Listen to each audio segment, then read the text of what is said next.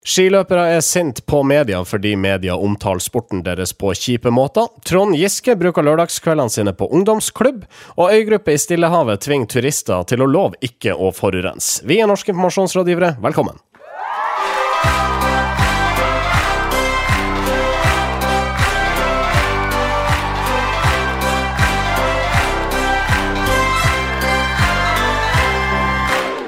Heter Marius Skjerve Staulen. Sitter i Bodø. I Oslo sitter Sindre Holme og Marius Torkelsen. God dag, god dag. Hei, hei, hei. Ja. Uh, vi uh, tar turen til uh, musikkens fabelaktige verden helt først i denne sendinga. For etter å ha teasa det på Instagram over ei tid, så er Karpe nå klar med albumet SAS pluss SAS Pussy. De slapp det her i forrige uke. Det spesielle med dette albumet er at det er bare ett langt spor. Marius T, det mener du er kjempelurt? Ja, eh, for jeg, jeg jo litt sånn Jeg er jo veldig Carpe Diem-fan. da. Carpe Diem har jo figurert opptil flere ganger i denne podkasten. Vi var blant annet med i første episode av podkasten. Den gang så var det vel kritikk mot media som behandla produktet Carpe Diem annerledes enn de behandla produktet Omo Color. Ja, ikke sant? Fordi uh, Carpe Diem fikk lov å lede Lydverket på NRK den uka som de slapp uh, albumet sitt i den, den mm, tida. Og det hadde jo aldri sjefen for Lilleborg fått lov til, da, samtidig som han skulle slippe Homocaller-album, da. Er det ikke et eller annet? Antakeligvis ikke. Men, men, nå har de altså kommet da med eh, ny, nytt album, og det er bare ett langt spor. Det er som en kassett. da. Altså jeg tenker sånn I dagens eh, strømøkonomi og sånn, er det egentlig noe lurt? Men, men eh, det som jo egentlig, eneste som egentlig teller da, i dagens eh, strømmeverden, hvor det er bare antall strømminger som teller, er jo å ligge på toppen av disse listene. Og det er jo klart at hvis folk da må høre på én sang og bare skippe rundt i den, istedenfor å høre fem forskjellige, ja. så vil jo den ene eh, strømmeproduktet havne på toppen.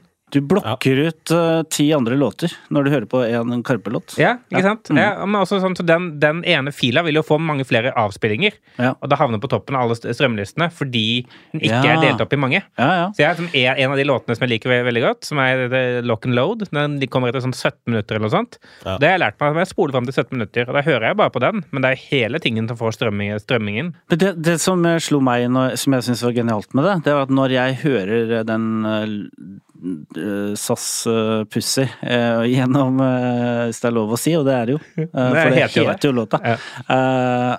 Så slår det meg at dette er en konsert. Dette er en konsert som ikke er spilt ennå. Så jeg har, ja. lyst på, jeg har lyst til å gå på konsert med Carpe Diem, og det er jo det artister lever av. Det er jo konsertbilletter. Så jeg tenker det de har lag, lagt ut på Spotify, er en konsert før den er spilt. Nå ehm, skal vi komme oss eh, over til eh, vårt eh, eget fag. Hjertelig velkommen til oss her i NIR. Norske informasjonsrådgivere. Det storma rundt Trond Giske igjen etter at en video av ham eh, havna på nett. I denne så er han ute på byen og utøver en slags paringsdans med et kvinnemenneske. Videoklippet, tatt på Bar Vulkan, fant etter hvert veien til VG, hvor Knut Sandli i Fagforbundet uttrykker stor bekymring over Giskes oppførsel. Men den aktuelle kvinna i videoen var rask med å skyte ned i alle fall metoo-narrativet. Hun sier dansen var frivillig, og at hun følte seg misbrukt i en maktkamp i Arbeiderpartiet. Ja, uh, dette er jo er en veldig interessant sak. Uh, hvordan ble denne Giske-saken Giske-saken? Uh, og, og, noe av det handler jo da om hun jenta som ble dansa på. Ja, hun ble dansa på. ikke dansa med, i hvert fall. Danse på, ikke med.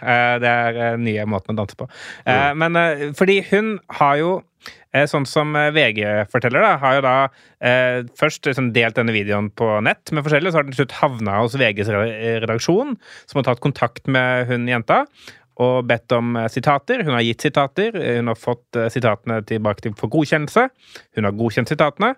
Saken kommer, og så trekker hun seg på dem og sier dette ble litt mye, dette var ikke akkurat sånn det skulle være, jeg føler kanskje at dette er spunnet litt ut av alle proporsjoner. Mm. Eh, og så hopper da Fagforbundet på med Knut Sandli, som tidligere har sagt at han mener bare at Trond Giske aldri bør få lov å komme tilbake i politikken. Eh, uansett liksom, eh, hva som skjer. Så han er i utgangspunktet Giske-motstander. Så han mhm. ser denne videoen eh, og, og, gir et sånn et uh, heidundrende intervju til VG hvor han sier at dette er, uh, han er bekymra, han mener dette er dårlig oppførsel. Og så blir det da en stor sak egentlig på grunn av han. For hvis ikke liksom, noen hadde meldt seg på på den måten, så hadde ikke saken blitt av samme dimensjon som det at den blir. Det hadde sikkert blitt litt sånn kommentarer og sånn, men det er nettopp måte, det spillet mellom Fagforbundet Arbeiderpartiet og Trond Giske som har prøvd å bli da, komme tilbake på riksscenen, ja. eller i hvert fall Trøndelagsscenen, som Hvis, gjør at dette plutselig blir veldig aktuelt. Da. Hvis vi husker eh, litt tilbake til første gang Trond Giske ble nevnt, Uh, i forbindelse med metoo, så skjedde akkurat det samme. For det var uh, Anniken Huitfeldt som mente at det var et politisk spill som lå bak at Trond Giske uh, ble outa som en metoo-karakter. Uh, og da gjorde VG den, eller hvem det var, uh, jeg tror det var VG Dagens Næringsliv, var det sånn? Dagens Næringsliv eller VG gjorde den vurderingen at ok, nå blir dette omtalt som politisk spill, da er det legitimt å dekke det journalistisk. De sier at de ville ikke gjort det hvis ikke disse sakene hadde hatt, blitt omtalt i den konteksten, og nå skjer det samme igjen. Og det jeg føler liksom er jo med, med Giske er jo en, er jo en fascinerende Eh, karakter. Jeg så Filter med det kalte det Game of Tron.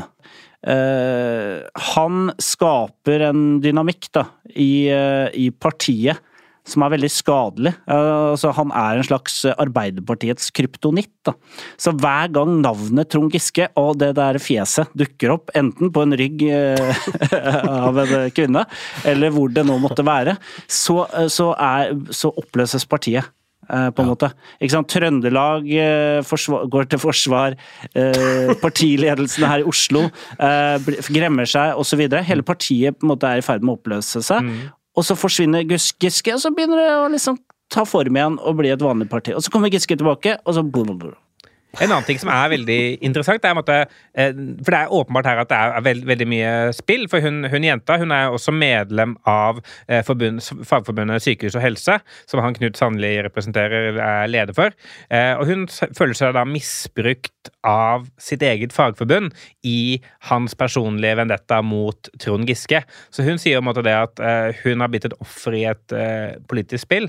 og jeg hadde en diskusjon med, med kjæresten min, og hun syns jeg også sa, sa det ganske fint. for Hun sa at hun, hun, jenta hun forstår egentlig ikke at hun er ikke viktig lenger. For liksom, Det begynte kanskje med å handle om henne, og, liksom, og, hun føler sikkert at saken handler veldig om henne og det hun har gjort, men hun, vi er langt forbi det nå. Hun er, hun, er, en rekvisitt i denne historien. Ja. Og det vil hun egentlig ikke være, da, men det har hun blitt. Fordi det er, dette egentlig handler om, er at eh, som, måtte, vi fikk en slags sånn syretest på Har vi som samfunn glemt at Trond Giske eh, ble eh, måtte, omtalt i veldig lite flatterende ordelag for et år siden? Nei, det har vi ikke glemt. Det første assosiasjonen til alle eh, når vi så den videoen, var Metoo! Han forgriper seg på henne! Det alle tenkte, sånn underbevisst. Og så bare reagerte vi eh, med en gang. VG reagerte. Alle bare hoppa på sånn Dette er ny metoo-sak. Og så har det vist seg etterkant at det var kanskje ikke eh, det på den måten, da. Eh, men likevel så er det veldig tydelig sånn tydelig sånn målestokk på hvordan, hva vi tenker om Trond Giske ubevisst fortsatt, da, selv om ikke vi går og tenker på han sånn på den måten til vanlig. Og mm. det er et problem for han og for Arbeiderpartiet hvis de ville benytte seg av han uansett, da, fordi han har ingenting å gå på. Det kommer til å hefte ved ham ei stund, dette stempelet, metoo-stempelet. Ja, det, det, tror jeg absolutt. Og så syns jeg det er litt sånn interessant den diskusjonen rundt hvorvidt VG, hva VG egentlig burde gjort her. Da. For det var jo VG som først hadde denne saken. Og det er mange som mener at jeg skal ikke eh, Trond Giske få lov å danse lenger. Da. Så kan få lov å leve som et vanlig menneske lenger. Eh, og mener at VG liksom har hausa dette opp til å bli en større sak enn det der. Men det er en måte som Sindre var inne på, at fordi dette blir omtalt som politisk spill, og fordi det skjer samme uka som Trond Giske har prøvd å komme seg inn i eh, Trondheim Trondheim eh, Arbeiderparti sitt eh, sentralstyre, eller hva det er for noe, så, så er det jo veldig, veldig aktuelt. Men, men, blir ikke det et sirkelargument? Jeg mener, det var VG som løfta opp saken i utgangspunktet. Jo, Hvis ikke VG hadde løfta opp saken, så hadde det heller ikke kunnet blitt noe politisk spill, for du trenger pressen med på dette politiske spillet. Ja, det, det er et veldig godt poeng. Uh, så bare Det å claime politisk spill er jo egentlig mel til egen kake. Det er jo noe med at uh, han må jo vite at når dette er en sak i mediene om at han ønsker å, eller kan få en posisjon i Trøndelag Ap, så er han også mer sårbar for å bli omtalt hvis han dukker opp i andre sammenhenger. Uh, det er litt rart at han ikke ser den med dynamikken i det. det du kan konkludere med da, er at han har ennå ikke tatt disse anklagene på alvor. Men det er også, altså det som visstnok skjedde på Bærvulkan den kvelden, var at det var masse folk som kom bort til Trond Giske og ville ha selfie. Mm. Og eh, han var sammen med en eller annen person også på den baren, og han Uh, bare kjent som han fyren som de ikke ville ha med på selfien, fordi han var ikke kjent. Mm. Uh, så for Trond Giske var sikkert dette bare én av mange, veldig mange selfier eller Snapchat-videoer i mengden da, den mm. kvelden. Helt sikkert. Uh, og så har han kanskje ikke da forutsett liksom det er sånn, Du vet hvordan det er. En selfie her og selfie her, og det er i godt lag. Så plutselig så renner det over. Eh, og kanskje han bare lot seg rive litt mye med. da, og Så har han ikke, sikkert ikke da forutsett at Knut Sandli i Fellesforbundet skulle da hoppe på dette og bare være sånn sende bekymringsmelding. Mm. Fordi bekymringsmelding, det er carte blanche. Da kan du skrive Hvis noen sender bekymringsmelding, ja, da, da kan du lage hvilken sak du vil. Ja, ja. Uh, altså, det er, jo, det, det er, jo, en positiv ting å være bekymra, for du vil jo tross alt det beste. Og så er, er du ikke bare bekymra, det er en bekymringsmelding. Det, det, ja. høres, det, høres ut som noe offisielt, mm. som et dokument eller et eller annet sånt, da, men det er kanskje bare Jeg vet ikke hvor grensa mellom å være bekymra og sende bekymringsmelding Det er å sende en selfie der du ser litt bekymra ut. Uh, altså Til tross for all denne turbulensen i Arbeiderpartiet, så gjør uh, partiet det uh, relativt eh, greit på meningsmålingene. Fortsatt landets største med 27,4% ved siste måling, ifølge Nettavisen. Så. Altså Hvordan partier gjør det og ikke gjør det, er det folk bryr seg minst om med politikk. Norske informasjonsrådgivere. Den siste uka så har vi sett hvordan metoo har skapt konflikt innad i Arbeiderpartiet, Frp og Høyre. Mellom lokallag og sentralstyrene. Sist ved at Innlandet Høyre lot uh, Tonning Riise være innleder på en debatt, og Ulf Leirstein fikk lede en debatt i Viken Frp. Ja, dette syns jeg også er interessant. Dette, nå blir jo metoo-tung sending, selv om Teknisk sett så diskuterer vi andre ting enn metoo. Det vil jeg bare ha sagt. Ja. Uh, men, men, jeg syns det er interessant det her at disse menneskene kommer tilbake i, i manesjen. Uh, vi var innom uh, Ørjan Bure forrige, forrige, uke også. Og Der ser man også liksom at han på sin egen Facebook-vegg Han har gått ut og beklaga nok en gang. Og da får han veldig mye sånn støttende meldinger der av folk som liksom er venner med på Facebook, sier sånn 'Nå må det være nok', og har, 'Nå har du stått nok i det', stakkars deg, osv. Mm. Og, og det som slår meg litt, da, er at Eh, det er liksom to forskjellige verdener som møtes litt her. Da. For det ene er en måte de folka som er tett på de menneskene som uh, har måttet blitt felt av metoo. De har lettere for å tilgi enn vi som da sitter langt unna og tenker bare Kristian Tonje Grise skal aldri få lov å gjøre noen ting igjen, da, fordi vi kjenner han ikke. Og akkurat det her tror jeg er en Uh, sånn, et særpreg, den type dynamikk, og et særpreg ved akkurat metoo-saker. Fordi uh, spesielt politikere og komikere, for den saks skyld, næringslivsledere, ofte så har de kommet til den posisjonen de har kommet i fordi de har noen veldig sterke sånn, mellommenneskelige, relasjonelle egenskaper. Da. Du blir ikke toppolitiker uten å være veldig god på å bygge relasjoner. Du er, sånn, du er, tillitsverdig, folk stoler på deg, har lyst til å gjøre ting for deg. Du blir ikke dyktig komiker uten at du virker som du er morsom, har selvtillit, og at folk stoler på og er trygge på at du kan levere. Eh, og måtte, de e- egenskapene vil jo måtte være eh, litt sånn altoverskyggende for de menneskene som står disse personene nærmest. Så når mm. når f.eks. Kristian Tonning Riise eh, blir eh, felt i en metoo-sak, så vil de aller fleste tenke jøss, så overraskende, for han har jo alltid vært så grei, og han har vist seg som en god, god politiker, osv. Så når, så når da eh, dette blåser over, mm. og de går videre, så vil de, de menneskene som kjenner han godt, f.eks. tenke at nå er det på tide at han blir tilgitt, å få lov å komme tilbake i, i rikspolitikken, eller i på politikken og lede møter og sånn. Mens vi da som, som ikke kjenner han, mm. vi bare ser at dette har skjedd og tenker hva? Skal han få lov å komme tilbake. For vi har aldri opplevd disse sånn mellommenneskelige, relasjonelle egenskapene hans. Og Derfor er vi veldig mye treigere på å tilgi da, enn de som er tett på. Og det tror jeg som ikke skjer i andre typer saker, da, hvor det ikke er metoo, hvor det bare er eh, overgrep. Da, for eksempel, altså, hvis en, en person uh, foretar et overgrep overfor noen, men som ikke har en maktposisjon, mm. uh, som kanskje bare er en innadvendt, inneslutta type, så vil sikkert ikke de som er tett på han heller føle et veldig behov for å tilgi han kjapt. Mens vi som andre. Vi har ikke hørt om han, så vi vil jo ikke da føle det behovet i det hele tatt. Men, så, men det, blir, det, blir, ikke en sak på samme måte. Og dette er litt sånn nytt, da, føler jeg, eh, når det kommer til disse metoo-sakene. Mm. Normbrudd, som jo metoo er, det er jo ikke noen som har blitt straffa eh, i domstolene for det, av de politikerne. Sånn at normbrudd er jo noe mer vagt enn et lovbrudd. Det er noe med liksom, for et, med et lovbrudd, da, hvis du blir dømt for noe, så soner du straffen din, så er du ute, og så er det liksom greit, da har du gjort opp for deg. Men, men bryter du en norm, så er det veldig mye mer vagt når du har gjort opp for deg. Eh, I alle de sakene her så har du egentlig både Tonning Riise, Ulf Leirstein og Giske. De er jo ikke helt enig i anklagene. Ikke sant? De har aldri på en måte gått ut veldig tydelig og sagt 'jeg har gjort alt det dere anklager meg for'. Derfor så er det litt uavklart også hvordan kanskje, kanskje, de føler at det er uavklart hvordan de skal respondere på det. For uh, skal jeg nå agere som om jeg er fullstendig skyldig, eller skal jeg agere som vanlig, som om ok, jeg vet jeg har gjort mye dumt, men uh, jeg føler også at jeg kan komme tilbake. Uh, for det er ikke så For det, det, må, det må, gå an å liksom bli ferdig med dette her. Men, men, er det, er det, jeg lurer på. Sånn der, hvis man da legger til grunn sånn hypotesen at liksom, jo, jo, mer liksom, av de positive sidene ved en sånn person du opp opplever, jo større sjanse er det for at du da måte, kommer til å ville tilgi dem. Da.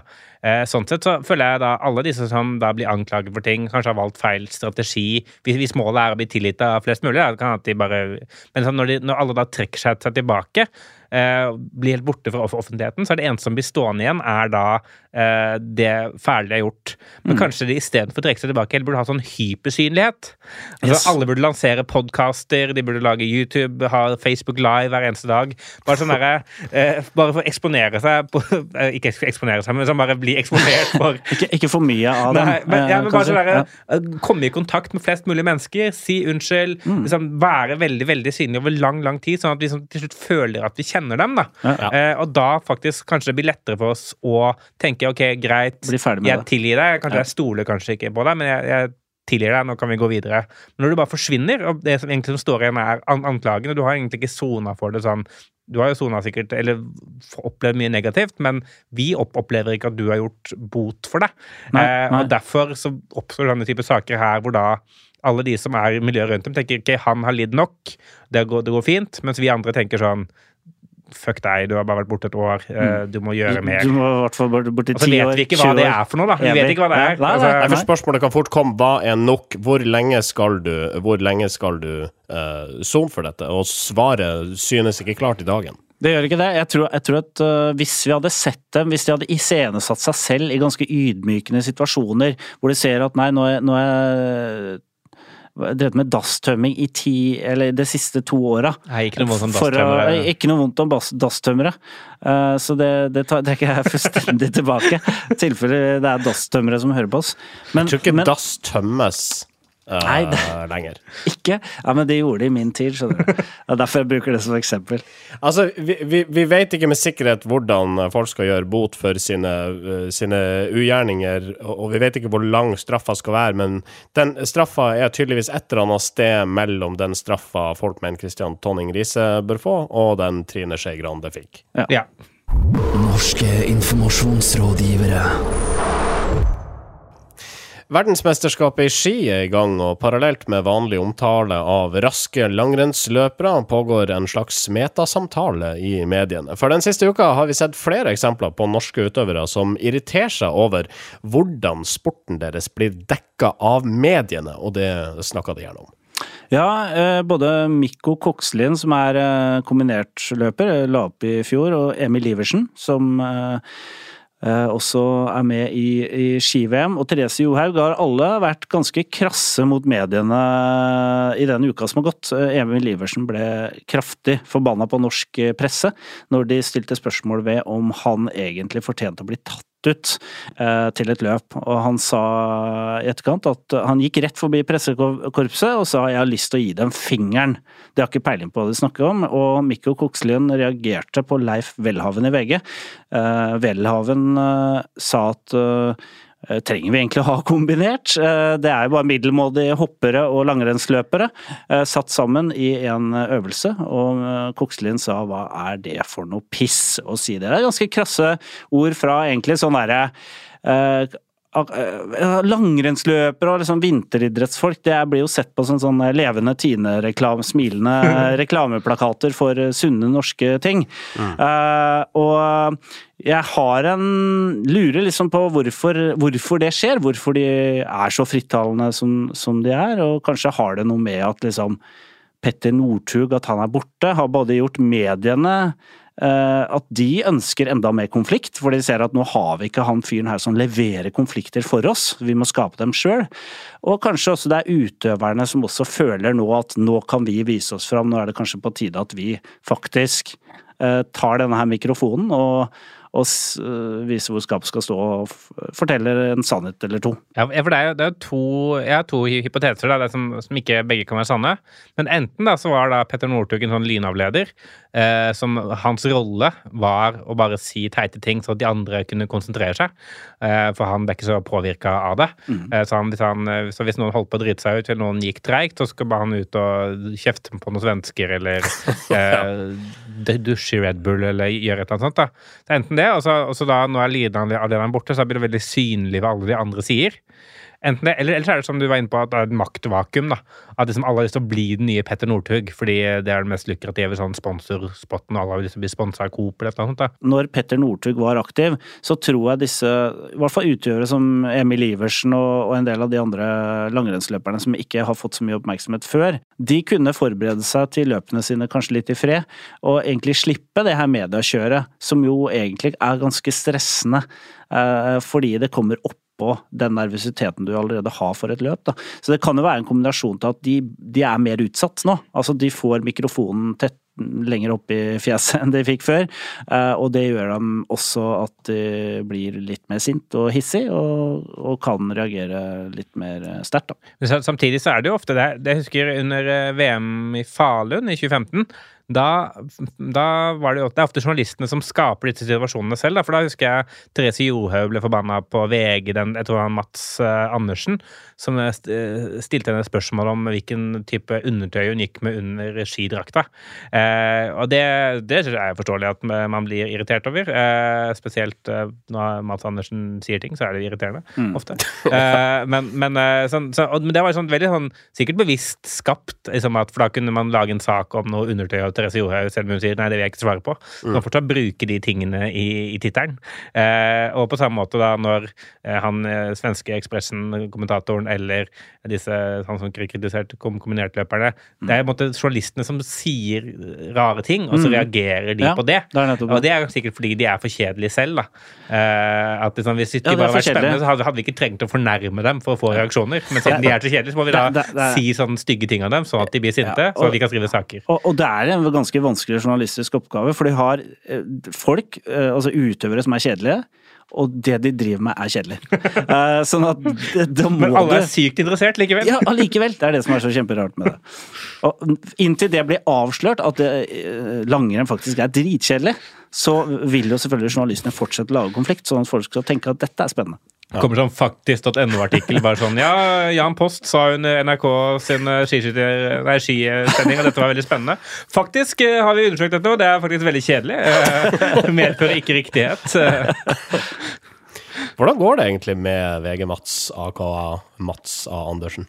Han er vel i alder, han, tror jeg. Ja. Han skulle lage et eller annet i alder. Og det som skjer med journalister når de forsvinner ut av redaksjonene, eller liksom dagspressen, er jo at du vet jo ikke noe mer om det. De forsvinner Nei. bare. Eh, så han kommer vi aldri til å høre noe mer fra. Norske informasjonsrådgivere. Det finnes en bransjeorganisasjon for reklamefolk som heter VARK, og de har nå gjennomført en kåring av de beste reklamekampanjene der ute, og vinneren denne gang er The Palau Pledge, en kampanje med utgangspunkt i at øystaten Palau i Stillehavet er plaga med turister som kaster fra seg søppel overalt. Derfor må de nå heretter signere et løfte om at de ikke skal forurense før de slipper inn i den lille republikken. All visitors now need to sign an environmental pledge to gain admittance into Palau. Stamped into the passport of international arrivals, the pledge is a formal promise to Palau's children. Children of Palau. I take this pledge to preserve and protect your beautiful and unique island home. Launched at the UN, the Palau Pledge has been praised by international leaders and groups. Influencers helped inspire people to take the pledge online. Bloggere. Ja, ja blog bloggere måtte selvfølgelig til for å få dette til å funke. Det er host Havas Sydney som står bak kampanjen. Dette er så typisk eh, Det er en flott kampanje, og den er prisbelønt. Eh, og så får eh, reklamebyrået som har lagd kampanjen, masse skryt. Men sånn som det funker i reklamebransjen, er jo at man bruker den typen kampanjer og den type saker til å lage eh, kampanjer som man får oppmerksomhet, så man kan selge tjenestene sine til alle andre kunder som ikke akkurat er opptatt av å redde kloden. Uh, så, så, jeg synes liksom hele greia, jeg begynner å bli litt sånn lei av den derre do good-greia, fordi at den er så det, det, handler bare om å lage kampanjer som markedsfører reklamebyråer for at de skal kunne tjene penger på alle andre ja. merkevarer. Deler av intensjonen til reklamebyrået rett og slett å posisjonere seg som, som noen snillinger da, overfor nye kunder? Ikke bare snillinger, men også veldig kreative. For det er i den type kampanjer det er den type kampanjer som får oppmerksomhet, for folk elsker å dele sånne type budskap. Og da tenker, tenker eh, de som lager ost eh, ostepop, uh, sko og alt annet uh, ræl som, som kanskje skaper søppel rundt omkring i verden. De tenker at disse her er kreative, disse vil vi ha til å lage vår neste kampanje om ost. Ja, men Er det byråene sin, sitt ansvar? Er det ikke kundene som må, måtte velge på flere eh, premisser enn bare hvem er, virker snillest. Eh, sånn, jeg, jeg, føler jo på en måte at hvis da en skoprodusent eh, da velger dette eh, Host Havas Sydney-byrået eh, pga. Palau Legacy Project, eh, så er jo det Eh, litt rart. Eh, litt rar måte å velge byrå på. på de velger byrået fordi De velger i så fall det byrået fordi de er mest kreative, ikke fordi de gjør en god gjerning. All right. Så det du egentlig mener, det er det at de kampanjene som er type do good-kampanjer, som denne her, de fungerer best av alle kampanjer. Ergo blir, eh, blir det en kjempereferanse for byrået. Ja, det gjør det, sånn at de kan selge sine tjenester til alle andre. Ja, sånn, ja, så, så, fordi det er sånn, det er sånn godt snilt, så er det lett å få med disse bloggerne og alt sånn på å dele budskapet, for det koster dem ikke noe å gjøre det. For du er jo bare mot forurensning, og det er alle mot. Men det betyr jo ikke at det byrået hadde klart det samme med ost. Fordi, eller, eller sigaretter. Nei, det, nei, det gjør de jo selvfølgelig ikke. Nei. Fordi det er ikke snilt, da. Med mindre det også skulle være mot forurensning, da. Mm. Ja, det hadde vært spennende. Å lage en ost mot forurensning. Som, som er, en ost som er på en måte en svamp, og når du spiser den, så blir du frisk. Et klassisk, eh, klassisk eh, eksempel på product as marketing. Mm. Det er no pollution cheese. Ja, uh, ikke sant? Det som er, det som er litt poenget mitt, jeg syns at jeg ser, du ser det samme hvert år, da. At de kampanjene som får oppmerksomhet og vinner priser, de er de kampanjene der man gjør en god gjerning, for det ønsker folk å dele, og det føles godt ja. å se det. Det var liksom Men samme, samme det... de der øl, ølboksene hvor de lagde de der tinga som bandt ølboksene sammen. Ja. Ut av sånn skilpaddemat mat. Ja, ikke sant? Så skilpaddene kunne spise dem, og så fikk de mat, og så forurensa det ikke så mye. Sånn, Men ofte vet man ikke hvor blir det skalert. Blir det faktisk en standard? For jeg har ikke sett det på butikken her, f.eks. Så ofte blir det bare et case. Det ser bra ut, det er en god tanke. Jeg liker følelsen av at dette uh, dette kan løse eh, miljøproblemet. Og så er man tilbake i hverdagen hvor man bruker den oppmerksomheten man har fått om et sånt prosjekt, til å selge sine tjenester til ja. alle andre som ikke akkurat har det som uh, motiv, da. Så du vil egentlig at alle kampanjer som fører til noe positivt, ikke skal, skal kunne De skal diskvalifiseres for sånne konkurranser? Nei, det jeg egentlig vil si, det er at alle som jobber kreativt i et reklamebyrå, bør finne på noe nytt. Norske informasjonsrådgivere. Vi um må sette en strek der. Vi er på overtid som eh, vanlig. Norske informasjonsrådgivere spilles inn i uh, moderne medias vakre studioer. Et av landets største produksjonshus for podkast. Du finner dem på modernemedia.no. Oss finner du på facebook.com slash Nirkest. Vi høres igjen om en uke, og fram til da Ha det bra! Norske informasjonsrådgivere. Moderne media.